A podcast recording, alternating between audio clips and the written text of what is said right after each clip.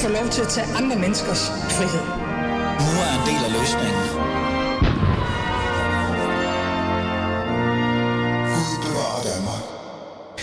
Ja, Gud bevarer Danmark. Velkommen til. Det er blevet anden time af Alice Fæderland, og nu skal vi jo så lave noget, der er fornuftigt, øh, i hvert fald politisk set, fordi påsken er over, og det politiske maskineri er jo så småt begyndt at komme i gang, kan man jo godt sige. Efter påskefrokost og snaps, og jeg ved ikke, hvad de ellers har lavet, de kære folketingsmedlemmer. Jeg kan i hvert fald se, at nogle af dem har været ude og flyve til København i dag, og det er jo i sig selv godt økonomisk fornuftigt.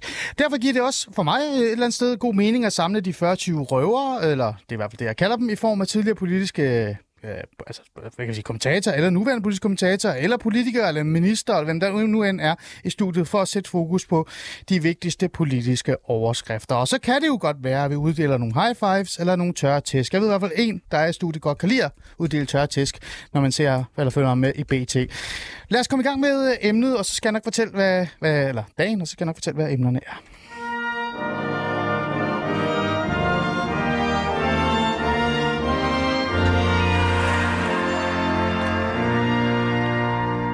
Og min 40 røver i dagens adledning er Joachim B. Olsen, politisk kommentator på BT og øh, tæsk, tør tæsk udøver. Jeg synes, du er blevet... Synes du det? Jeg synes, du er blevet øh, kantet på, altså på den gode måde. Nå, okay. Altså, jeg, jeg kan virkelig godt lide at følge med. Øh, det, det, det, det slår hårdt. Det kan jeg godt lide. Men tak, fordi du vil komme og være med i dag. Øh, Esben Schøring, politisk redaktør på Altinget. Jo.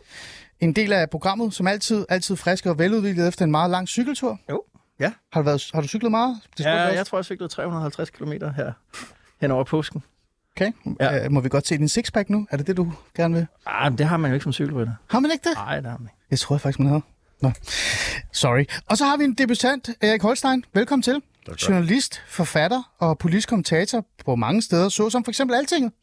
Primært alting. Jamen, vi, har, vi gik på vej herover, og jeg, jeg har talt om, at, øh, at nu har vi ligesom overtaget programmet. Det er blevet alting et program nu. Jamen, jeg har jo sagt, velkommen til at overtage det. Så kan jeg være redaktør, eller tilrettelægger, eller mand, der henter kaffe. Øhm, men tak, fordi du være med, Erik. Øh, En fornøjelse at have dig med. Jeg har faktisk glædet mig lidt til at have dig med, øh, i virkeligheden. Og til jer lytter, I kan jo altid deltage i samtalen og, og smide tørtisk efter mig, hvis I har lyst til det. Skriv ind på 92 45 99 45 og så er I med i samtalen. Nå, jeg har jo øh, samlet øh, de 40 røver for at øh, et eller andet sted at finde ud af, hvad der egentlig er op og ned efter påsken. Øhm, men jeg får også helt lyst til at spørge, om I har nyt jeres påske. Har I egentlig holdt fri? Fordi der er jo mange... Altså, jeg så, at Christiansborg var helt tom, øh, Joachim B. Olsen. Har du egentlig været på arbejde nu? Eller sidste uge? Øh, nej, det har jeg ikke. Jeg har holdt fri. Altså, man er jo altid sådan lidt... Ej, Mm. arbejde er det jo ikke, men man kan jo ikke slippe det helt øh, for at læse lidt aviser og, og sådan noget. Men, øh, men ja, jeg har holdt fri. Så der er ikke rigtig sket så meget, vel? Her sidste uge.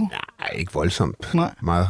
Men der er også en lille ting, der skete, som jeg kan sagt, vi skal tale om. Men det tager vi lige her nu, fordi at Danmarksdemokraterne var lige pludselig ude med, med deres finanslovsforslag. Ja, det er rigtigt. Ja.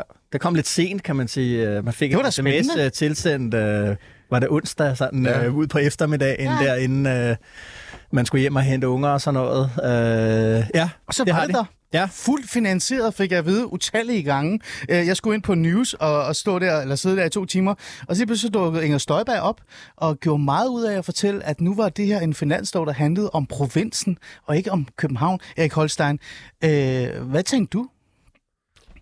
Jamen, jeg tænkte, at det der er jo sådan meget i uh, tråd med Danmarksdemokraterne, som ønsker om at være sådan et rigtigt parti. Ikke? Altså, Støjberg, hun bliver ved at sige gang på gang, at de skal have en skørhedsfaktor på 0 eller minus 10, eller hvad det nu skal være. Øh, og, og det skal være sådan et normalt parti, der kan indgå i forlig, og så videre, og så videre. Og sådan pæne, normale partier, de kommer også med deres eget finanslovsforslag. og det er jo sådan set det, det handler om. Altså, det, det kommer jo ikke, de kommer jo ikke nogen realitetsforhandlinger overhovedet om det og sådan noget. Det er ikke det, der er pointen. Nej. Men, øh, men de får brandet sig selv som et, øh, et parti som alle mulige andre. Det er jo åbenbart meget magtpålæggende på dem. En af de ting, jeg lagde mærke til, Joachim, jeg ved ikke om, øh, det, ved jeg, det tror jeg ikke, du, jeg tror ikke, du sad og så News, da hun var igennem News og K, men en af de ting, øh, eller hvad, gjorde du det? Så du det? Nej. Det interview, der var med hende, det var, hun, hun nævnte Venstre et par gange, mm. og, og, og man kunne også, når man læser den der finanslov, som er, er foreslået, fuldt finansieret, som de siger, så virker det også bare lidt som om, det er sådan en småprovokation til Venstre, for det meste af det. Altså, er der også noget, ha, prøv at se, hvad jeg kan i det?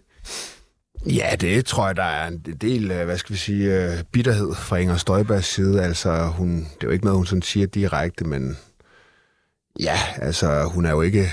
Øh, altså hendes fejde med Jakob Ellemann og så videre, den er jo kendt, øh, øh, og hun har jo ligesom prøvet, at, og med succes i øvrigt, at tage en hel masse af de der venstrevælgere i, ude i provinsen, ikke? Hmm. Så er det her, øh, Esben, er det her reelt set bare, øh, det er i virkeligheden, jo, det er en finanslov, men det handler mere om at bare blive ved med at spise venstre op? Ja, det handler om for Inger Støjberg at forblive en seriøs del af, af Christiansborg, øh, tror jeg. Det er ligesom det, der, som Erik siger, der, der er ligesom er signalet øh, til mm. det, ikke? Øh, eller i det, og, og det var det, det var også alle de gamle DF'er, hun har, hun har fået med over. Deres raison d'etre var jo også, at, at, øh, du ved, at DF skulle være et parti, som øh, i jo så en almindelig respektable mennesker kunne stemme på, og man var ikke et eller andet, øh, bare et protestparti øh, i en enkelt sæson. Mm.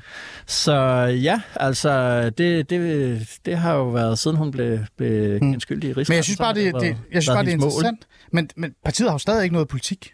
Altså, så kommer de ud med en finanslov. Ja, eller den politik, de har, sådan, øh, det minder sådan lidt om, øh, sådan, uh, ligesom Inger Støjberg også nærmest selv siger, ikke, at det er sådan venstre i nullerne. Sådan, det er, hun, hun drømmer sig tilbage, og partiets strategi er sådan at, at se, om man kan, kan, kan transportere Danmarks historien tilbage til 2005 eller sådan noget. Ikke? ja. Okay. Jamen, vi må jo se, om det lykkes. Jeg blev bare overrasket, for jeg troede også, der skulle være helt stille, og så lige pludselig var Inger Støjberg foran mig øh, med hendes mm. finanslov. Det der med, øh, bare her til sidst, det der med, at de lægger meget vægt på, at det er fuldt finansieret, og der er noget ansvar, noget borgerligt ansvar over det.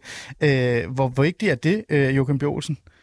Eller er det bare jo, det er også bare tale? to kollegaer siger, at de vil gerne være et parti, som øh, tages seriøst. Øh, hun har jo været helt ærligt fra starten og sagt, at øh, det ikke er noget protestparti. De vil gerne ind og lave øh, aftaler øhm, og være sådan en, en hvad skal man sige, en, en, en, et, et parti i blå blok, som man kan regne med. Mm. Øhm, på mange måder synes jeg at det er godt nyt øh, for Blå Blok. Hvordan det? Nå, men altså man kan jo sige i hvert fald, øh, DF under Christian Tulsendal, der, der var jo visse problemer mellem øh, DF og, og de øvrige blå partier. Øh, der, der har hun en anden linje. Altså hun, hun vil gerne være... Øh, Altså hun kan godt være med til nogle kompromiser med de andre blå partier, for eksempel på ah. skattepolitik og så videre, ja. mod at hun selvfølgelig får noget på hendes mærkesager. Ja. Altså noget til udgans Danmark. Og, ja. Så hun omfavner Hvis man må bruge det ord mere, og selvfølgelig stramme udlændingepolitik og så videre. Ja, ja. Men det, det er vigtigt for hende, at mm. hun, hun, er, hun ønsker ikke at være et, et parti, der sådan skaber ballade mm. internt i, i, i Blå Blok, og det gør de DF, og hun har fået med heller ikke, og det gjorde de jo heller ikke dengang. Mm. Nu nævner du lige, øh, lad holde lige fast der, Joachim, øh, fordi nu nævner du lidt øh, Christian Tulsendal. En af de kritikpunkter, der også kom, det var jo folk, især gamle DF'er og nuværende DF'er, sagde sådan, det er jo bare copy-paste af Dansk Folkepartis gamle finanslov. Det er jo bare Christian Tulsendal. Det er jo en, jeg så det næsten lidt som en hån også, i virkeligheden. Men, øh... men nu, der bliver jeg nødt til at være ærlig. Jeg har altså ikke siddet nede i detaljerne på det der finanslovsforslag. Øh, okay. Forslag. Det kunne godt være, du havde været lidt. Jeg ved det ikke. Jeg synes i hvert fald bare, det var spændende, at det kom lige pludselig frem i påsken, fordi jeg troede ellers, vi skulle holde fri. Men noget andet, som så er dukket op efter påsken, som så er i dag, som jeg gerne vil tale mere om, det er jo det her med 24 års reglen. Øh, 24-årsreglen forhindrer familiesammenføring, hvis en af partnerne i ægteskab er under 24 år. Det gælder både ægteskab og registreret partnerskab. Det blev øh, skrevet ind i udlændingeloven under den daværende VK-regering med opbakning fra DF og Socialdemokratiet i 2002. Og nu så 21 år efter cirka, er det ikke det? Jo. Øh, så kan vi se, at det faktisk virker. Øh, Joachim be, øh, hjælp mig gerne, jeg er ikke så god til historie, jeg er udlænding. Øh, var du med til hele det der øh, øh, forhandling omkring det lov? Nej, jeg var ikke i Folketinget. Det var du ikke blevet på Ikke, ikke, ikke dengang, nej. nej. Var den jo indført. Var den indført? Ja, okay, ja. godt. Ja, ja. Men kan du huske alt det ståhej, der var omkring? Ja, ja, jeg kan godt huske, det var, altså det var, det var sådan et forslag, som også har givet problemer i Blå Blok. Det var ikke sådan alle liberale, der var lige begejstret for det forslag. Jeg synes, det var indblanding i menneskers ret til at gifte sig med dem, de havde lyst til, og, og så videre. Men, men altså, det har jo ja. tjent et, et formål, øh, som jeg jo også synes, man kunne forsvare som liberal. Ja. Altså nemlig, at der har, der har helt givet været en masse unge mennesker med anden etnisk baggrund, som øh, mere eller mindre har været tvunget til at skulle gifte sig med nogen fra deres øh, ja. hjemland. Og der kan man sige, for, for mange af de der kvinder, der er det, det er i hvert fald det, det viser nu, ikke? Mm. Har det betydet, at de har det går længere tid, før de bliver gift, de kommer i højere grad gennem uddannelsessystemet osv. Det er da en succes. Hmm. Esben Schøring, jeg tænker, at du kan i hvert fald godt huske det. Øh, der var rigtig meget ballade omkring det, og der, øh, jeg synes jo faktisk, at den ballade har blevet ved med at være der. Øh, det har jo været en af de øh, regler, som når jeg har deltaget i øh, udlændingedebatten, så har det jo nærmest været sådan et bevis på, at Danmark er et strukturelt racistisk land, og så videre, og så videre, og så videre. Øh, hvor voldsomt var det dengang, hvis vi kigger lidt tilbage først? Øh, Udlændingeloven af 2002, som, øh, som 24-årsreglen øh, var ikke bare en del af, men også på mange måder blev symbolet på, altså symbolet på, at nu fik vi en, en stram udlændingepolitik, der tog et opgør med 83-lovgivningen, og at der var kommet nye herskere ind i øh, centraladministrationen. Det, kast, det, var, det var den giftigste og mest ophedede øh, politiske debat de seneste... Systemskiftet. Systemskiftet. Paradigme. Øh, det, var, det, var det, det var en meget, meget voldsom, øh, både i mellem politikerne og, og i den og i den, og i den offentlige øh, debat. Ikke? Øh, og, øh, og netop det der med, som Joachim siger, at, at, øh, at, at det på en eller anden måde kompromitterede øh, visse borgerlige principper, altså øh, individets øh, frie ret, det blev jo også ligesom beviset på, at de borgerlige partier, VK, sig i samarbejde med, med Dansk Folkeparti, ligesom havde viljen til at gennemføre en stram udlændingepolitik så stærk, at man, at man var, var klar til sådan at ofre sådan, øh, hvad det hedder, egne, egne principper på, på, øh, på, på det alder, ikke? Jo, altså jeg, øh, jeg har skrevet ud det her med, at der var den her konflikt i forhold til reglen om individets ret til at gifte og bosætte sig, som man ønsker sig, og det er jo, det er jo sådan, ja, det er jo virkelig et stort, øh, øh hvad kan vi sige, det glemmer man i hvert fald, hvis man siger ja til det her. Øh, eksisterer de overvejelser ikke mere? Altså er, er de forsvundet i det borgerlige fløj, fordi man netop med, gerne vil den stramme udlændingepolitik og, og så videre og så videre? Og jeg dækkede det jo rent faktisk dengang. Jeg skrev om det i 2001, og øh, hele vejen op til valget i 2001, og jeg skrev meget om det dengang, det, øh, det blev indført. Ikke? Det, der er væsentligt at huske på dengang, det er, at, at, øh, at var der ikke kommet det systemskift i 2001, øh, så havde man haft en udlændingepolitik, der svarer til den svenske. Den danske udlændingepolitik øh, og den svenske, de var fuldstændig parallelle op til, til 2001. Øh, så det, der skete, var ekstremt vigtigt. Øh, og... Øh, det skete jo under skrig og skål dengang, ikke? Altså, mm. radikale mente, at det var brud på samtlige menneskerettigheder, der fandtes stort set, ikke? Øh, Socialdemokraterne var alt andet end begejstret. Svend Augen sagde i den socialdemokratiske folketingsgruppe, at nogle af de der ting, som de borgerlige kom frem med, det var fascisme. Intet mindre end fascisme. Altså, man kan huske, hvilken kontekst det var dengang. Ja. Altså, i dag er det så blevet mainstream. Selv... Øh, jeg ved ikke om, altså, de radikale er der måske sådan lidt øh, skeptisk over for den regel stadigvæk, men, men man får i hvert fald ikke en eneste af alle socialdemokrater til at sige, at det ikke var, var en god idé at få indført den regel. Øh, SF'erne øh, støtter det jo langt hen ad vejen, og så videre. Ikke? Mm. Øh, så, så det er øh, blevet mainstream af den simple grund, at man jo kan se, øh, at øh, det har haft en effekt. Mm. Det har betydet, at de der evindelige kædefamiliesammenføringer, som der jo er tale om, øh, at de blev stanset, ikke? fordi med alle de øh, indvandrergrupper, man tidligere har haft i Danmark, har det været sådan, at de kom til Danmark, øh, og så efter en gener- generation eller to, øh, så var de integreret. Mm. Oftest efter en generation af den ganske simple grund, at de giftede sig med danskere øh, og, og glæde ind i samfundet. Øhm, og der så man så med de nye indvandrergrupper, der kom, at man fik et helt andet mønster, det man blev ved at hente ægtefælder fra øh, forældrenes eller bedsteforældrenes gamle landsbyer. Ja. Øhm, det fik man sat en stopper for i et vist omfang i hvert fald. Mm. Og man fik frem for alt øh, sørget for en række af de der indvandrerpiger, der blev tvangsskiftet, eller i hvert fald komme ind i arrangerede ægteskaber, de fik en chance for at få en uddannelse før, at, mm. at de røg ind i det. Mm. Og det har jo haft en helt afgørende betydning for det danske samfund, og for en række af de der indvandrerkvinder, der, der fik øh, andre, anderledes muligheder efter det her. Hmm. Øh, det, jeg synes, der var interessant, det, det er jo virkelig godt at få historien med, øh, men det, jeg synes, der har været interessant det her de sidste, ja, den sidste 24 timer, det var også at lægge mærke til, hvor overrasket nogen fra venstrefløjen var, at det faktisk har virket. Altså, at de så får evidens på det, for der er kommet noget forskning, der viser på, at det her, det her, det her lykkes. Øh, er det også et bevis på, at, at venstrefløjen i virkeligheden stadig ikke har forstået, at, at øh, vi har kæmpe integrationsproblemer, og at det kan lykkes at, at, at fikse dem, hvis vi bare strammer til, øh, Joachim Olsen? Jo, men der er jo sket et stort ryg øh, på venstrefløjen. Nu skal vi tale om SF lige om lidt, ikke? Øh, og altså, der er der også sket meget. Altså, Pia Olsen Dyr, hun er jo sådan blevet lidt en, lidt en, skal vi kalde det en strammer, men i hvert fald ligger det helt andet sted, end uh, SF lå, uh, ja. lå dengang. Så der er jo det er jo sådan et område, og også Socialdemokratiet jo, Mette Frederiksens øh, skifte før forrige valg og, øh, og så videre, så der er jo sket et enormt skifte på, på dele af venstrefløjen, mm. i, i hvert fald. Og så, hvis man tilføjer til noget af det, Erik siger, altså, der var jo også der var jo opbakning til det her i, i befolkningen. Mm. Altså, Blå Blok vandt jo det ene valg efter det andet. Mm. Øh, og en stor del af årsagen til det var jo den her stramme øh, udlændingepolitik. Mm. Ja. Øhm, øh, en af de ting, som også bliver nævnt her nu, det er jo det her med, at jeg har i hvert fald lagt mærke til, både som en person med minoritetsdansk baggrund, men også en, der har deltaget i den her debat rigtig meget, det er jo, at, at nu siger man, at det går godt, det lykkes, vi er nået mål. Der er flere kvinder, der kommer i arbejde, der er flere, der generelt kommer i arbejde med ikke-vestlig baggrund, øh, folk gifter sig ikke mere, så derfor så er det måske på tide også at lempe lidt på de her øh, øh, restriktioner. Er det det, vi kommer til at se i fremtiden, eller tror I, at man kommer til at se, at man holder fast i nogle af de her, som for altid er succes, øh, øh, oplevelser, øh, Esben? Ja, hovedlinjen er, at man vil holde fast i øh, 95 procent af den stramme øh, øh, udlændingepolitik.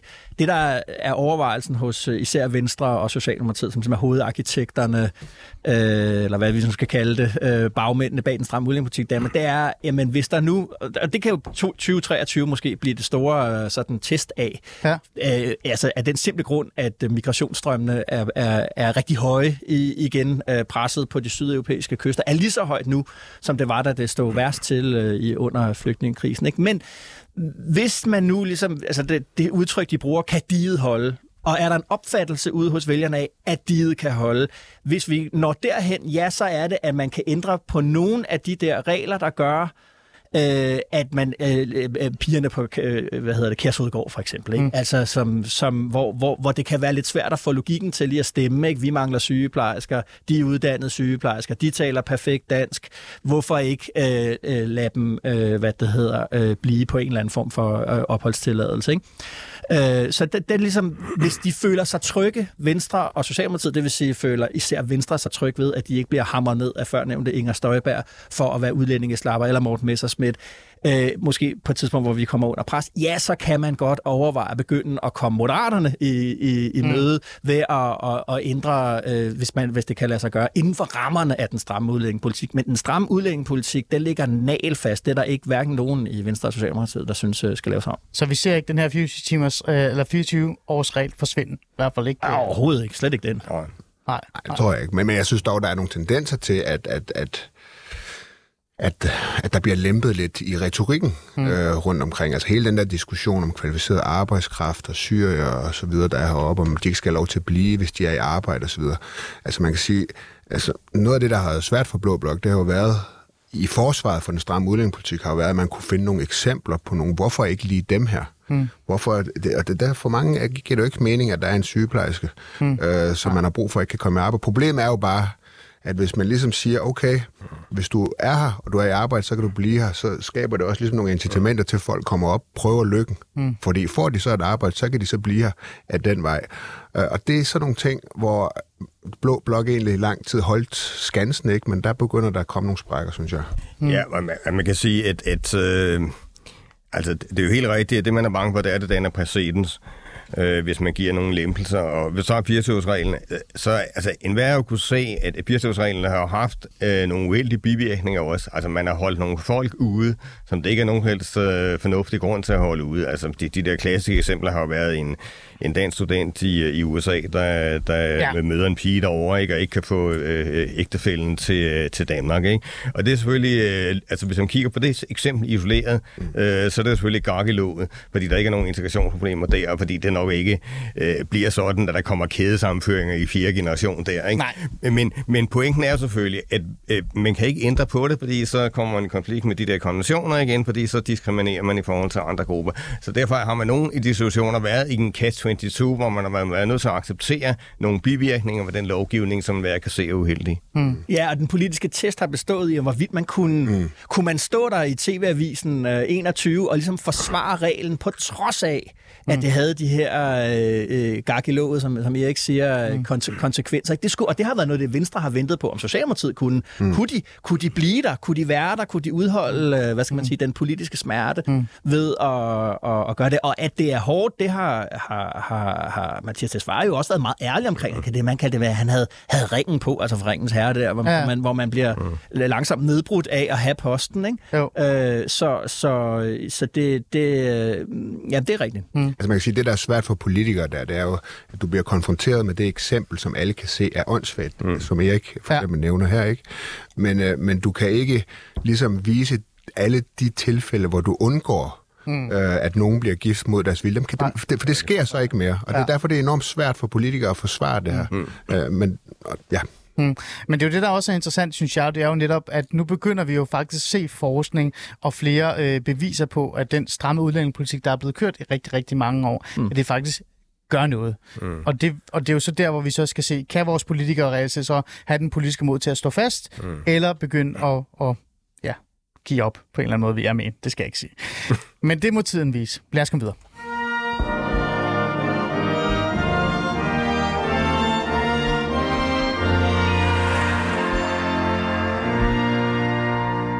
Noget andet, som også er sket, det er jo øh, SF er sket, det er Socialistisk Folkeparti. De går jo frem øh, og frem og frem og frem, øh, og øh, minder mere om øh, en... Øh, jeg har altid sagt, de var sådan den her meget, øh, meget øh, troværdige og søde kæreste til Mette Frederiksen, som altid lyttede til, hvad hun sagde. Nu begynder de at blive mere selv, selvstændige, independent, øh, og de havde jo faktisk også... Øh, du var til deres... Hvad hedder det egentlig? Hedder det årsmøde, Erik Holstein? Nederlandsmøde. Det hedder landsmøde. Ja. Jeg bliver altid forvirret, for jeg er tidligere konservativ, og det hedder noget helt andet. Landsråd. Øh, ja, landsråd. Ja. Øh, men det går jo rigtig godt for SF. Øh, de går frem, de går frem. De er jo nærmest øh, øh, på vej hen til at blive storesøster, kan man jo sige. Øh, hvordan var egentlig stemningen til, til det, du var til? Hvis vi starter Ej, der. det er klart, det, det, det er svært at finde nogen rigtig utilfredse der. det må man sige. Altså, jeg har været til SF landsmøder, øh, jeg har været til væk, måske 20 gennem tiderne dem. Var det den bedste? Var det for dem? Ja, det er et af dem. ikke? Der var selvfølgelig også under Ville Søvendal, der var de også øh, helt det er oppe. Men, altså, men, men her, altså, der, der, jeg, jeg, har været, jeg, jeg må sige på den måde, jeg har været til en del uh, SF landsmøder, hvor stemningen har været lidt mere anstrengt. Ikke?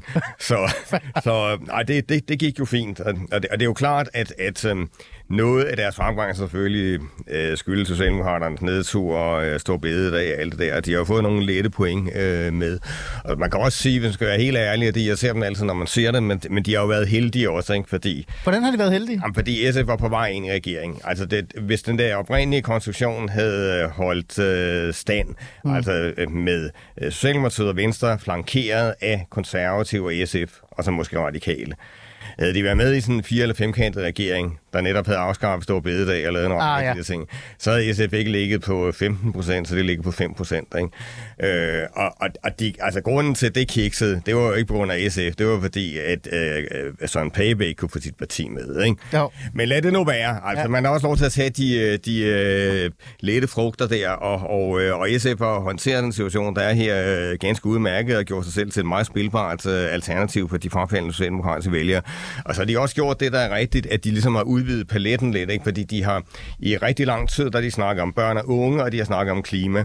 Og det var gode emner, man skulle have fat i kernevælgerne i en situation, hvor man er sådan moset helt ned. Ikke? Ja. Men hvis man skal ekspandere ud for det segment, så skal man også have fat i andre emner. Og der er de begyndt at tage meget mere fat i arbejdsmarkedspolitik, for eksempel. Ja. Sådan at de jo også kan appellere nogle af de der socialdemokratiske arbejdervælgere, de havde under Søvldal. Ja. Ja. Så, de, har gjort en del rigtige ting selv. Mm. Noget andet, jeg også lagde mærke til, øh, Erik, hvis jeg lige tager den med dig, fordi du var der jo netop. Øh, fagforeningerne var til stede, Ja. og de var velrepræsenteret. Ja, det øh, nu er jeg ikke så øh, erfaren i forhold til at dukke op til øh, andre folks øh, landsmøder og landsråd og så videre, men jeg har jo sådan en idé om, at det var kun Socialdemokratiet, de kom til, og så kom de ikke til andre steder.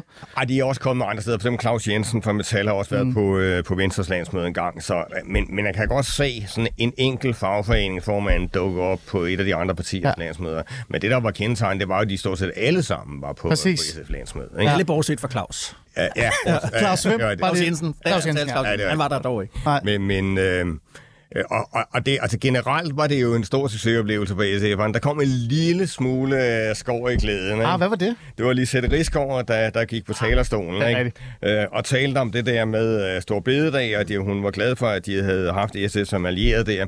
Men så tilføjede hun, men det er også vigtigt, at, øh, at øh, handling følger efter ord. Mm. Og det har jo ikke helt været tilfældet med jer, siger hun så, ikke? Nej. Og så peger hun på, at SF ikke var med til at støtte en folkeafstemning af Stor Bededag. Mm. Og der blev altså fuldstændig tavs til salen, da hun sagde det.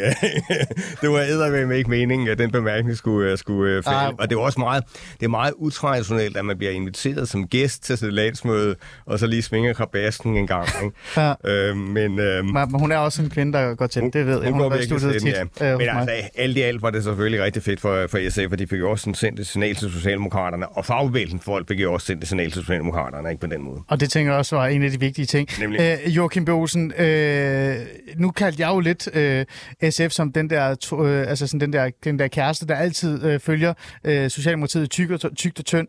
Er de kommet dertil, hvor de er færdige med at være den her sådan loyale, trofaste, der altid lytter øh, og bare øh, smiler?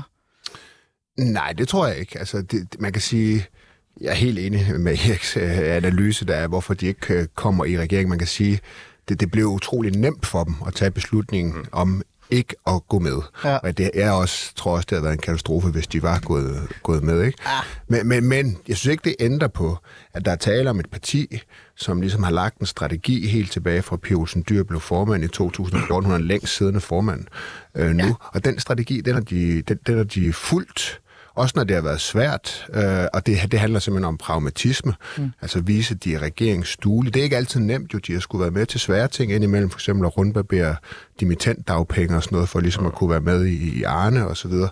Men, men det har de gjort, øh, og det, jeg synes også nogle gange, det næsten har været komisk, øh, fordi at, øh, altså, når, når, når de ligesom har skulle stille krav til den tidligere S-regering i hvert fald, ikke? Altså, så var det jo, det var jo krav, de vidste, de godt ville få opfyldt. Det var ikke, fordi de gik ind og, og ligesom satsede Kæmpe ret meget. Nej. Øh, Men, men, men det ændrer ikke på, at, øh, at de blev belønnet for den der pragmatisme. Ja. Øh, Det, er noget, det har vælgerne godt kunne lide. Ja. Og så har de formået ligesom at lægge sig lige til venstre for Socialdemokratiet. Så netop når der kom sådan noget stå bededag og sådan noget, så skulpede vælter, øh, vælgerne øh, lige over i deres øh, kurv. Ikke? Ja. Og det vil man sige, det ser måske let ud, øh, når man sådan ser det nu og giver mening.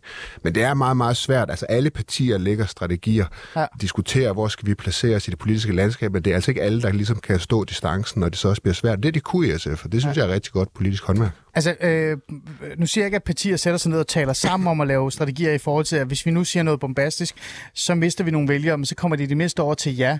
Men kan der også være noget om snakken i forhold til, at der måske har været noget under bordet, eller et eller andet sådan...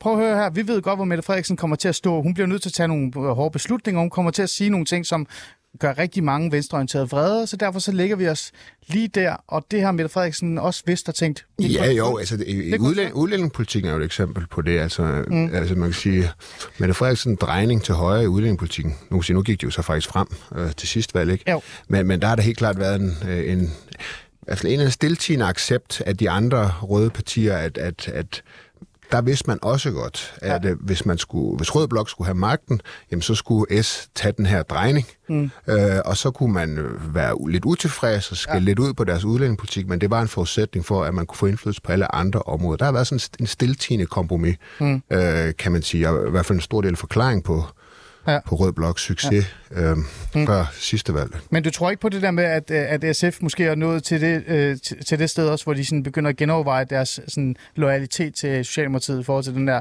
altid trofaste? Nej, nej, altså SF De- vil de gerne står- det samme. Altså, de de, det de, godt. ønsker selvfølgelig, at der kommer en rød regering. Ja. Man siger, de står også i en situation lige nu, at hvis der kommer en rød regering efter øh, næste valg, Ja. så står de jo i et historisk godt sted. Altså i modsætning til, da det gik galt under Willy Søvndal. Ikke? Jeg tror ikke, de kommer til at lave noget færre løsning og sige, det er den her politik, der bliver født, Ja. li, ført lige meget hvad. Det har de lært af. Men de står jo i en situation, hvor de kan få rigtig meget indflydelse, hvor de helt sikkert bliver regeringsparti, hvis der kommer en, en, en, et rødt flertal efter næste valg, Ja. hvis Mette Frederiksen kommer tilbage til, ja. til Rød Blok, hvor de radikale ikke i samme omfang vil kunne sætte en kæppe i hjulet øh, for dem og så videre. Ja. Øh, så jeg synes, de står et godt sted, men det afhænger selvfølgelig af, og det er der ikke rigtig nogen, der ved, hvad sker der efter næste valg? Fortsætter det her Ja. ja. regeringsprojekt Midter- på en eller anden form? Det er Ja. nok ikke, som det gør nu, men, men, men jeg synes, de har jeg, jeg synes, man må anerkende det gode politiske håndværk, som de har lavet gennem mange, mange år. Fuldt den samme strategi i mange, mange år. Mm. De har også haft uafbrudt fremgang. Jo. På nær det uundgåelige valgnederlag i 15, så er det Ja. ja. stået på uafbrudt fremgang. Ja. Øh, tror du så, de kan holde fast i det, Esben? Det er jo det, vi kommer, kommer ind på her nu. Altså sådan det her med, at... Øh, fordi det er jo en blanding af, at det er tilfældigt. Ikke tilfældigt, men det er jo bare sådan, miljøet er, så derfor så kommer der nogle stemmer over til os, fordi det ligger godt til os. Øh, og så øh, det der med at være lojal. Kan man, så, kan man egentlig... Er det nok til, at man kan holde fast i det her 15 procent eller måske mere? Det, det bliver selvfølgelig klart en udfordring, at, ligesom, at hvad gør Pia Olsen Dyr for ligesom at fastholde øh, dem, alle de, der kom løbende dertil øh, på rigtig, rigtig kort tid. Ikke? Øh, tre måneder er, er man nærmest øh, fordoblet. Mm. Øh, men hun er jo selvfølgelig også så rutineret og erfaren fra, fra, fra Ville Søvndal-dagen, at hun godt ved, ligesom, at, altså, at, at det er omfavnet dem. Hvis man eksempel, ligesom, at der, der var folkeafstemning jo godt eksempel på, at hun alligevel sætter en grænse for, hun kunne have gået All in. Ja, fuldt populistisk på det, og havde en folkeafstemning, og, og, og, og det havde øh, muligvis været det, der skulle til for, og, og at, at regeringen havde taget forslaget øh, af, af, af bordet. Ikke? Men, men det, det, det, det er ikke bare Pia Olsen Dyr, der ikke tænker sådan. Sådan tænker SF ikke historisk. Det er jo nærmest... Altså, partiet er jo født ud af en opfattelse af, at den yderste venstrefløj i Danmark var nødt til at lave et, et, et, et ret formaliseret samarbejde med Socialdemokratiet. En enhedsfront, tror jeg, man kaldte det hmm. tilbage i 60'erne, da, da Axel Larsen stiftede øh, SF. Og hmm. han hold, har jo holdt ved, og partiet har holdt ved hver gang, at uden alliancen med Socialdemokratiet, så kommer der ikke, altså så kommer, øh, kommer der ikke venstreorienteret politik i Danmark, så bliver hmm. ikke ført, ført igennem. Og det er jo det, der skiller enhedslisten fra SF, det er, i hvor hårdt, altså, hvor, hvor hårdt skal man øh, gå, gå til Socialdemokratiet. Så det holder de, det holder de fast i. Men jeg tror samtidig, altså, at det, det, man skal holde øje på for at gøre det konkret, det er, at, at ja, hun, har, hun skruer op for blusset på nogle emner. Den der seniorpension, som ja. Mette Frederiksen øh, lige før påske lige pludselig ikke vil sige, at øh, den bliver afskaffet, selvom at det sagde hun, da de øh, præsenterede regeringsgrundlaget, og det står sort på hvidt i regeringsgrundlaget selv, at den vil man afskaffe. Der er hun, øh, der er, er Pia Olsen Dyr på vej ind i en, i en, en, en meget hård konfrontation med Socialdemokratiet, end vi har set i lang tid. Men det er jo det også der, hvor jeg tænker, at man kunne jo godt være ambitiøs og nu spørger jeg åbent til alle tre, fordi at Socialdemokratiets bagland, så vidt jeg ved, og så vidt dem, dem jeg taler med, de er jo imod afskaffelse af seniorførtidspensionen. Ja, Ekstremt meget. Det er SF også. Der kunne jo være ambitiøs og gå til modangreb og sige, nu er jeg ikke den der lojale nu vil jeg faktisk gerne vise... Det har hun jo allerede gjort. Har allerede men jeg taler endnu mere end det, man har gjort. Kan man ikke se det? Altså, er hun ikke ambitiøs, øh, P. Olsen Dyr? Jo, jeg tror, jeg tror altså omkring seniorpension, der er jeg helt enig med, med, med Esmi, der, der kommer de til at give den fuld hammer, der bliver sådan en som Carsten Hønge, han kommer til at hente, hive den der tømmerhammer frem, ikke? Åh, oh, jeg glæder mig allerede, ja, ja, med det der billede der. Ja, og, og, og, det, det, og det skal de også. Altså, altså deres far er faktisk, at, at, at de nogle gange er for pæne over for Socialdemokraterne. Øh, ja, og netop også en situation som, som den her, fordi man skal tænke på, at der er rigtig mange socialdemokratiske vælgere, der altså ikke alene er de sådan lidt småskåbede, altså de, de, er virkelig, øh, de er virkelig ekstremt brede. Mm. Øh, og den vrede skal man kunne opsamle, øh, fordi hvis man ikke gør det, så ryger nogle af de vælgere videre til enhedslisten på et eller andet tidspunkt. Øhm, så derfor er det sådan en anden delikat balance. Det, det er klart, at de kan jo ikke kaste hele strategien over bord og sådan bare gå fuldtonet til angreb på Socialdemokraterne hele vejen igennem. De er også nødt til at indgå i nogle forlig. Men på visse, mål, på visse øh, sådan udvalgte områder, der skal de altså give den fuld gas. Øh, og, øh, og, og kunne fagne øh, hele den modstand, der er mod den her regering, og det frederi, som mange socialdemokratiske vælgere jo synes, Mette Frederiksen har begået i forhold til hun stod for tidligere. Hmm. Øhm, så jeg synes egentlig, at, at deres største fare, det, det, det er, at, at, at de, øh, de holder sig så meget tilbage af, af, af sådan strategiske grunde, øh, og så risikerer at, at, at miste nogle af de vælgere der øh, videre ud til venstre. Hmm. Joachim Bosen, du har siddet i Folketinget, du har siddet til de her øh, strategimøder, vil jeg jo nærmest kalde det, hvor man skal tage den der øh, beslutning om, hvor balancen skal være. Er de virkelig så svære? Altså de her balancer, øh, altså at, at vælge det rigtige skridt at tage i forhold til at både at være øh, krævende over for dem, man som regel samarbejder med, og stå fast på sine egne værdier, men også sådan et eller andet sted kunne være sådan, altså er det så svært? Mm, ja, det er svært at føre det ud i, i livet, fordi der opstår alle mulige fristelser til at... Hvad er det for nogle fristelser? Nå, jamen, det, nå, jamen, det, prøv at høre, det, det er jo for eksempel, at øh, når, når du så, hvis du skal der hvor SF har lagt sig lige til venstre for Socialdemokratiet ja, for at opsnappe de der vælgere, altså det er jo, det er jo godt, virkelig godt tænkt, men det kræver jo bare nogle kompromiser indimellem. Det kræver jo, når enhedslisten har stået og skældt ud over for eksempel rundbarbering af dimittentdagpenge, ikke, som jo gør ondt også på mange SF-vælgere, de her ja. gerne unge vælgere i de store byer, altså, så tager man den der. Mm. Når man går med i et... Øh, til at bruge rigtig, rigtig mange penge på, på forsvar, så går det da også ondt øh, nogle mm. steder i SF's øh, bagland. Ja. Øh, øh, så, så, så ja, det er sværere, end det ser ud til. Mm. Det er vel også det der med, at det bliver sværere over tid. Altså noget, der kan være rigtig godt lige nu, kan blive et stort problem senere, og det kan det der forsvar øh, lidt blive, for hvis øh, Ukrainekrigen øh, lad os håbe det, snart bliver overstået, så har man lige pludselig indforskrevet 18-20 milliarder om året på, på den konto. Og, og 10 år frem, ikke? 10 år frem, 10 år frem og, og lige pludselig så vil, så vil der kunne øh, enhedslisten eller Alternativet ligesom bygge en platform og sige, at vi bruger for mange penge på kampvogne i stedet for på barnevogne. Mm. Så det er, det er, det, det, det, det, det, det, det er jo derfor, politisk strategi er, er, er svært. Det er, øh, gevinster i øjeblikket kan blive omkostningsfulde øh, senere hen. Mm. Noget andet, jeg også har tænkt på i forhold til den her succes, der er, det er jo også, at mange vil jo sige, og det synes jeg også, I også siger, at man kan takke Pia Olsen Dyr for den her succes. Altså, hun har, hun har været med til at sætte en strategi, som du siger, øh, Joachim, og så har de holdt fast i den strategi, og så har de kørt på det.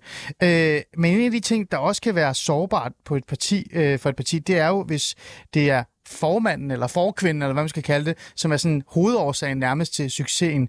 Kan det ikke også brænde lidt af, hvis Pia Olsen Dyr øh, er sådan det bærende fakkel i det her projekt? Ja, det, det mener jeg faktisk ikke, fordi jeg synes faktisk, en af de ting, hun har også været god til, og jeg også synes, hun fortjener noget kredit for, det er jo, at øh, hun har jo faktisk Altså, jeg synes, de har en ret øh, ja. bred og god folketingsgruppe, ikke? Men, men det er jo ikke alle partiledere, som altid har lige nemt ved, at der for eksempel er en toer, der får flere personlige stemmer end en selv. Ah. Altså Jakob Mark, ikke? han får flere stemmer end Pia Olsen Dyr, og der er ikke, det, det, det er ikke noget, der giver øh, nogen problemer. Nej. Så det, det synes jeg også, øh, hun skal have, hvad skal man sige, kredit for. Mm. Altså på den måde har hun egentlig givet meget plads til, til nogle af de talenter, de, de har Men kan det ikke også være, fordi hun ikke har andre muligheder, lige i hvert fald for til Jacob Mark? Jo, oh, men, altså... men, men der er, altså politik er fyldt med eksempler på, at der hurtigt kan opstå interne spændinger i, i, i partier, hvis, øh, hvis øh, ja. formanden ikke er måske den mest populære politiker i, ah. i, i, i, i hverken i baglandet. Mm. Ja, det, det, nej, jeg, det kender jeg. Det, det er sket mange steder jo, ikke? Okay. Og der, der synes jeg bare, altså det synes jeg også er noget, hun har, hun har ligesom givet plads øh, være storsindet og anerkendt, at øh, her er et stort politisk talent, mm. øh, og han skal bare han får lov til at køre, øh, for eksempel med minimumsnummeringer, det var virkelig noget, Jacob Mark kørte med. Det ja, lå Pia Olsen Dyr jo ham ligesom stå i front for. Mm. Du markerede ikke? Ja, men altså pointen er bare, altså, jeg, jeg mener ikke, det succesen øh, hviler på hende alene. Altså, okay. hun, hun, hun har været med til at genrejse partiet på en, på en meget svær øh, position, men altså, altså netop uh, Jakob Mark, uh, også en som Carsten Hønge, altså, de har taget meget, stor, meget stort uh, læs uh, hele vejen igennem også, ikke? og de har sådan dækket hver deres område, altså Hønge arbejdsmarkedsområde uh, blandt andet, ikke? altså og taget nogle uh, hissige slagsmål som politisk ordfører, ikke? og uh, Jakob Mark uh, øh, som gruppeformand og lavet et meget stort arbejde der. Altså, Pia har også gjort sit. Øh, så så det, har, det har været sådan et... Øh, jeg synes, altså, er det team? Er det ja, det synes jeg faktisk. Jeg, jeg, jeg synes øh, snarere, man kan snakke om, om, om øh, tre, fire folk i, øh, i, i toppen af partiet. Ikke? Selvfølgelig med, med, med piger som, øh, som spydspids, ikke? Men, men bestemt ikke hende alene. Men også, også i deres, øh, hvad sige, deres, på deres sekretariat og så videre. Det er noget af det, man tit misser. Altså, der er ikke ja. nogen partier, der får succes, uden at de har dygtige mennesker ansat i deres sekretariat. Det har de også i SF, altså nogen, der virkelig kan tænke mm. intellektuelle kapaciteter osv., mm. som er gode til at analysere og dansk politik. Og deres, øh, hendes særlige rådgiver, for eksempel. Ikke? Mm. Øhm, jeg tænker sådan, Esben, der er jo nogen, der sådan begynder, og det er mest venstrefløjen, der har den her øh, drøm, at, øh, at næste valg kan blive valget, hvor man nærmest, altså hvor venstrefløjen kan lave en regering udenom Socialdemokratiet. Altså det er ikke, fordi jeg tror på det, men de der drømme og de der fantasier om, at SF kan blive større og større, og mm. enhedslisten kan swoop nogle af dem op og så videre, og så Alternativet, uha, de har også store drømme. Mm. Altså det er jo ikke, det er ikke der, vi er overhovedet, vel? Nej, det kan man ikke sige. Altså jeg tror, at det realistiske, det der er den strategisk diskussion mellem enhedslisten og SF, det er jo ligesom, skal man forme en blok? Enhedslisten vil gerne have, at man ligesom former en rød blok uden S. Præcis. Som, øh, som, som øh, går hårdt til Socialdemokratiet i Øh, SMV-regeringen, SVM-regeringen, og tegner en masse alternativ politik op, så sådan at man i en forhandlingssituation på den anden side af et valg, hvor Centrum Venstre måtte have øh, et flertal, ville kunne tvinge Socialdemokratiet til at føre meget mere øh, hvad der hedder, øh, venstreorienteret øh, politik. Øh, øh, jeg lavede et interview med, med Pia Olsen Dyr øh, inden øh, landsmødet der før, før påske, hvor hun bare hældte det der af brættet. Mm. Det, det, det kommer hun ikke til at indgå i. Øh, SF er et parti i egen ret. Øh, hun har ikke, hun ah. skal ikke stå sig. Jamen det er det er, det, jamen det er for at tage tilbage til Axel Larsen. Altså det, det er ligesom det, sådan SF ser på verden. Det her, de ser fra sig selv til Socialdemokratiet. Det er det, der er, er, er deres uh, univers, det er det, der er deres spørgsmål. De har ikke brug for at indgå i en alliance med... med, med og altså, det vil også være helt absurd jo, for de partier, der var med til at, at lave enhedslisten, VS, er jo gamle udbrydere mm. af øh, SF dengang, at det var nogen i SF, der synes man kom for tæt på Socialdemokratiet. Åh, men der er jo meget, der er absurd nu, ikke? Altså, nogen tror jo, at Inger Støjberg den, hvor bliver den næste statsministerkandidat for de borgerlige. Altså, det hele er jo specielt lige nu. Ja, det, jeg tror også, det, det, det, det, man skal huske, det er, når sådan et parti som SF skal have nogle socialdemokratiske vælgere. Ja. Så den der balance, det også handler om, det er jo, du, du skal jo virkelig have, du skal have nogle, nogle mennesker til at stemme på, på, på, på dig, altså SF, mm. som jo dybest set godt kan lide Socialdemokratiet, som har en affektion for Socialdemokratiet. Ja. Og derfor er der også en balance for, hvor meget du kan stå og slå Socialdemokratiet oven i hovedet. Altså det er virkelig en balance, du skal mm. holde, fordi øh, ellers så så ender det med, at de bare bliver. Mm. Fordi de gider faktisk ikke rigtig høre på nogen, der er alt, alt for hårde og kritiserer Socialdemokratiet alt, alt for meget. Det skal være sådan en konstruktiv kritik. Mm. Mm. Det giver mening. Øh, sidste ting, før vi går videre til vores sidste emne, som jeg også synes er interessant. Det her med, at det går så godt for SF. Det går så godt for Pia Olsen Dyr. Så kan vi jo heller ikke lade være med at, at begynde, og det gør de også selv, det ved jeg, de gør, begynde at tænke på ministerposter. Altså, øh, er, er vi derhen af, hvor, hvor det muligvis er potentielt øh, en, en ting, der kan, der kan ske? Eller tror du, at de stadig fastholder den her tanke om, at de skal være udenfor til næste valg? Jamen, de, altså, det er klart, der kommer ikke til at ske noget inden valg. Altså, der, altså, der var ja nogle teorier om på et tidspunkt, at, at hvis den her regering brød sammen, Ja. i løbet af et år eller to, øh, jamen vil Mette Frederiksen så forsøge at lave en ny konstruktion til Venstre, ikke med Så SF, kigger man på SF. Radikale, Ja. der, ikke? Øh, men der er det med klare indtryk af, at, at øh, altså, udover at jeg så ikke tror noget sammen på så kort tid, men selv hvis nu gjorde det, øh, så er mit klare indtryk af, at det vil SF'erne altså ikke være med til, øh, fordi Okay. at, at det vil være en ekstrem uholdbar situation. Ikke? En situation, hvor Socialdemokraterne er enormt ne- nede, hvor, hvor Mette Frederiksen er blevet enormt upopulær i egne rækker, ikke? og skal man ligesom øh, være med til at bygge det op igen, ikke? Mm. Øh, efter man blev fravalgt i første omgang. Øh, så man vil rigtig, rigtig gerne i regeringen med Socialdemokraterne, men det bliver først efter et valg. Mm, okay, det vil jeg altså mene om. Mm. Det tænker jeg også. Lad os gå videre til næste.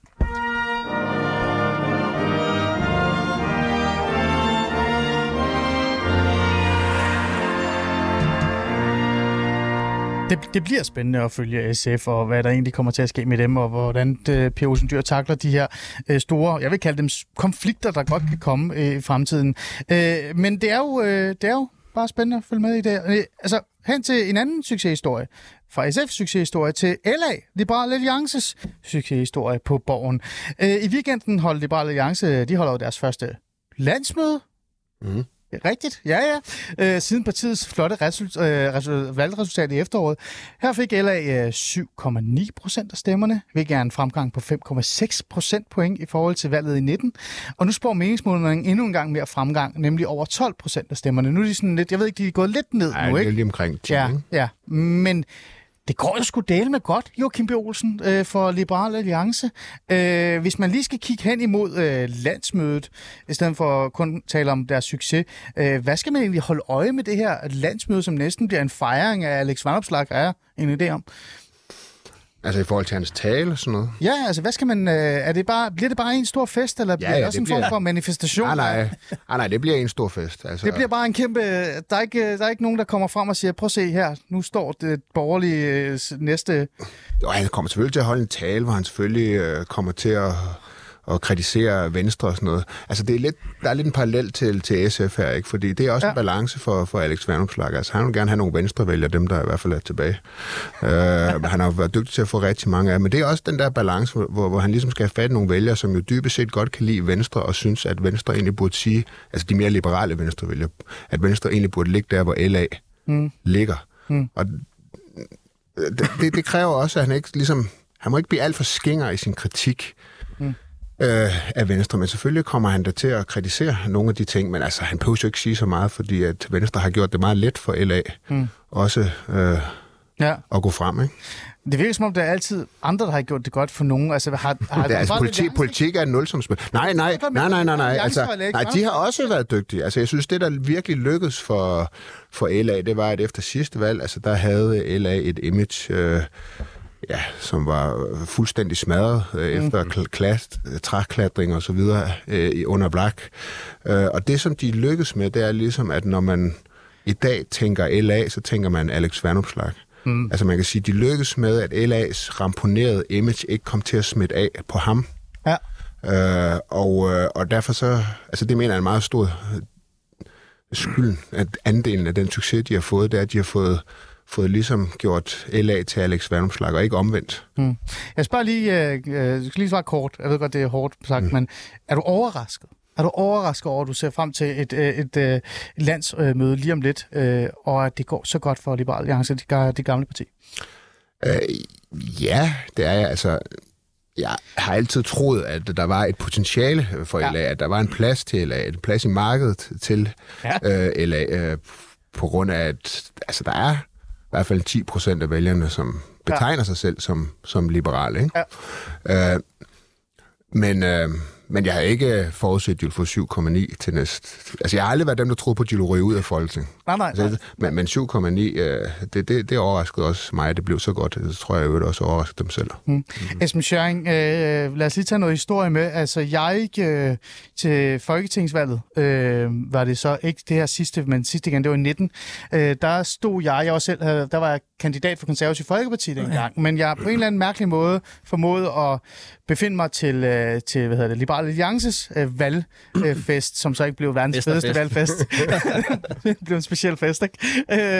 Øh, I stedet for at være til den. Og der så jeg jo en meget ung øh, og meget nervøs Alex Vandopslag gå frem og tilbage, ryge en masse smøger, og så var han inde, så var han ude, og mens han gik rundt og var, var ved at bryde sammen, så, kunne, så, så man Anders Samuelsen ikke være inde, og så videre, og så videre. Ja. Det har været en vild tur. Jeg kan også huske uh, Henrik Dahl, folketingsmedlem af Liberal Alliance, nogen vil kalde det nedsmeltning, men også uh, iværksættelse af hele projekt Alex Vandomslag næsten, mm. hvis man spørger ham nu.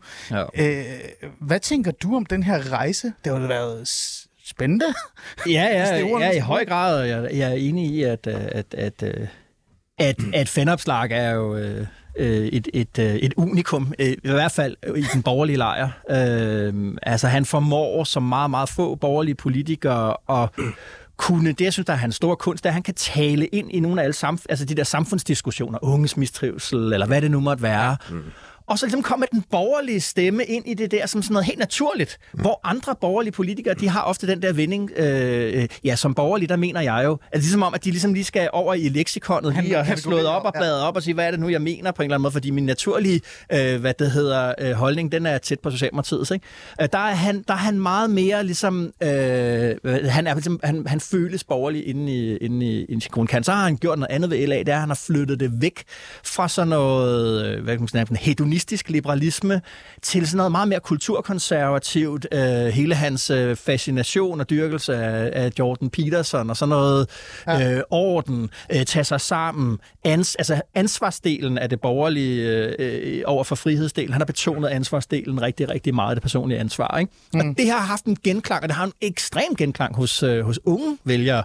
Øh, og det synes jeg er, er imponerende. Hans problem er, ja det er, at, øh, at øh, øh han er den bedste formand for Venstre, som Venstre aldrig får. Mm. Altså sagt på en anden måde, det er Liberal Alliances øh, op- og nedtur er direkte eller omvendt proportionalt i forhold til, hvordan Venstre har det, og hvordan VK måske øh, har det. Ikke? Og det er problemet her, at LA blev født som en borgerlig kritik af de borgerlige partier, ja. og, og derfor, så når det går dårligt for VK, så går det godt for LA. Det er det, eller det er det, der gør mulighedsbetingelserne for, at det går godt for LA. Det vil sige, den splittelse i det borgerlige Danmark, der handler om, hvor borgerlig skal vi være, den er man en funktion af, og ikke nødvendigvis en løsning på. Mm. Er du enig, øh, før jeg giver til at Ja, jo, det er jo rigtigt nok. Altså, politik er et nulsums øh, det har spil, ikke? Der, hvad LA, skal, hvis LA skal gå frem, er der jo per ja. definition andre skal gå tilbage. Ligesom med SF øh, ja, ja. i, i, i øvrigt. Men ellers så er jeg meget øh, enig i, at, han, at han, det han ligesom er god til, det er, at han ja. er... Altså i modsætning til Anders Samuelsen, mm. øh, som talt 40 procent i skat, mm. og det blev meget tal og, og så videre. Ikke? Jo. Så kan man sige, så er det, han er god til, det er, han er god til at tale nogle, om nogle værdier, og hvis du ligesom kan få folk med på værdierne, så kan du få folk med på politikken. Ja. Ja, der minder han lidt om, om Jacob Mark, synes jeg også. Altså, det, ja. det, det, er sådan, de der unge politikere er lidt, de taler altså på politik en anden måde, hvor måske min generation og sådan noget, det var måske lidt mere Evidens. På, ja, sådan noget. Ikke? ikke? Og det er måske ikke det mest sexede at lytte til altid. Og i forhold til de unge, altså, ja. det er jo måske noget af det, man skal lægge mærke til. Fordi der, Altså, der går det jo helt vildt. Men har det ikke altid... Der er det suverænt, suverænt det største Men Liberal Alliance har jo altid været meget, meget store blandt de unge. Nej, jeg ikke altid. Altså, det blev faktisk lidt formøblet, ikke? Altså, ja. øh, men nu har han ligesom fået dem tilbage. Og der er selvfølgelig, kan I holde fast i nogle af dem, og de er flygtige, sådan nogle unge vælgere, ikke? Men, men så, er der, så er der nogle muligheder. Men jeg tror bare, Altså man kan sige, at LA's politik er stadigvæk sådan, at det er ikke til at blive et folkeparti, hvis, hvis de skal op mm. og blive sådan 15 procent ja. eller sådan noget, så er de nødt til at ændre politikken en, en lille smule.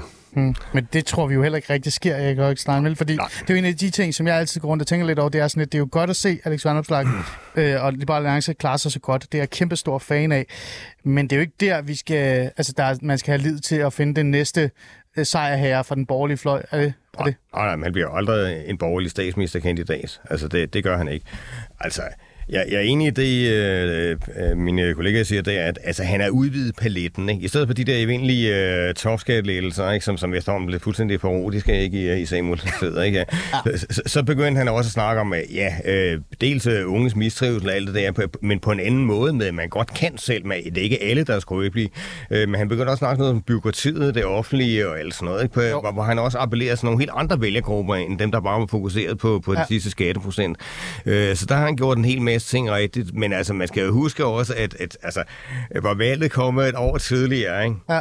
Så jeg tror også, de var kommet ind, ikke? Men så har han jo formodentlig ligget under 3% stadigvæk, ikke? Mm. Så altså også her har vi talt om øh, en, Men... en, en meget heldig mand, ikke? Der, der, der ligesom, øh, hvor konkurrencesituationen ændrer sig til noget ja. rigtig gunstigt, ikke? Jo, jo. Ja, det er måske så ikke helt enig, fordi det, det, der jo skete i valgkamp, det var, det var jo virkelig i valgkamp, de eksploderede. Og det, det, det er, han er en god campaigner, ikke? Han er så der var et, et, et af store problemer for LA var jo, ingen kendte Alex Vandopslag, da han blev formand. Og i takt med, at vælgerne kom til at kende ham, og det gjorde de jo i meget høj grad ja. også i valg, valgkamp for, for, mm. for alvor, ikke? Jo. Altså, så fik de noget tilslutning. Der shinede han altså over for en Jakob Ellemann og en... Øh, Ja, det er også en Søren Pape, ja, det vil jeg sige, men jeg er måske ikke helt nu. Altså, hvis, Pape, hvis Pape ikke var brudt sammen, ikke? Ja, jo, jo, jo. situationen ville være noget anderledes. Ikke? Men jo, det er bare sjovt. jo sammen. Men, men... Så LA får ligesom succes på, øh, altså man kan sige, Pape præsenterer en meget økonomisk liberal ja, ja. politik, ja, ja. så går det helvede til, ikke? men, ja, det er der. men, men Alex, han kan ligesom stå med en endnu mere liberal økonomisk ja, ja, politik og få succes. Men det er bare fordi, at, at øh, og vi har ikke så meget tid, vi kan tale om det her langt, men, men det er bare fordi, at her øh, i går, tror jeg, så jeg et, øh, et, et fodbold øh, sådan breaking af, hvad fanden har FCK gang i, fordi de tabte. Det handlede mere om FCK, der ikke klarer sig godt, og deres, øh, jeg ved det ikke, de ikke kan styre deres spillere, eller hvad det er, end at Randers har spillet en god kamp og faktisk tæskede FCK ud af banen. Øh, nu har I sagt det både om SF og både om og Alex Vandomsdal og Alliance. Kan man ikke også bare vente om at sige, at de her to partier gør det vanvittigt godt, at de andre er bare forfærdelige?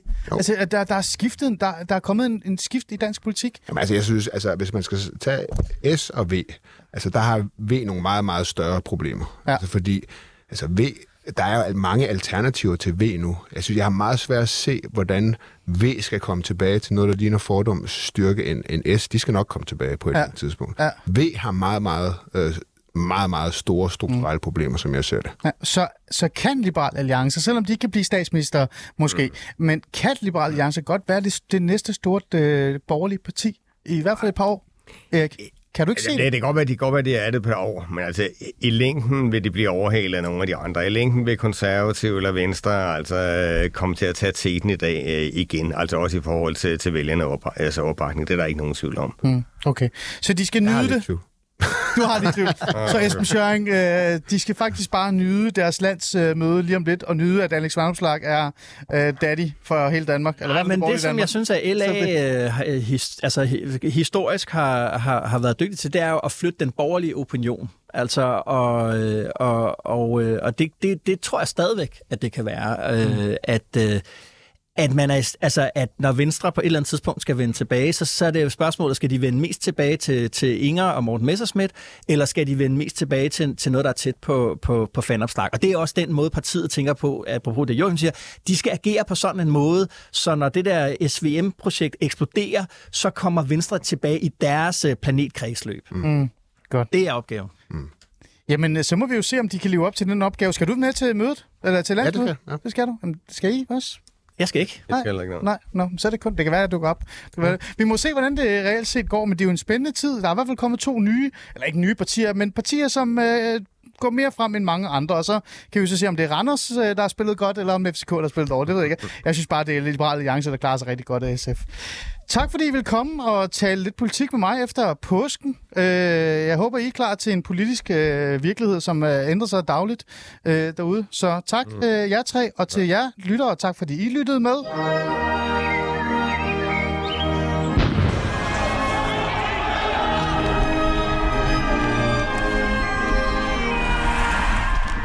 I skal ikke få lov til at tage andre menneskers frihed. Nu er en del af løsningen.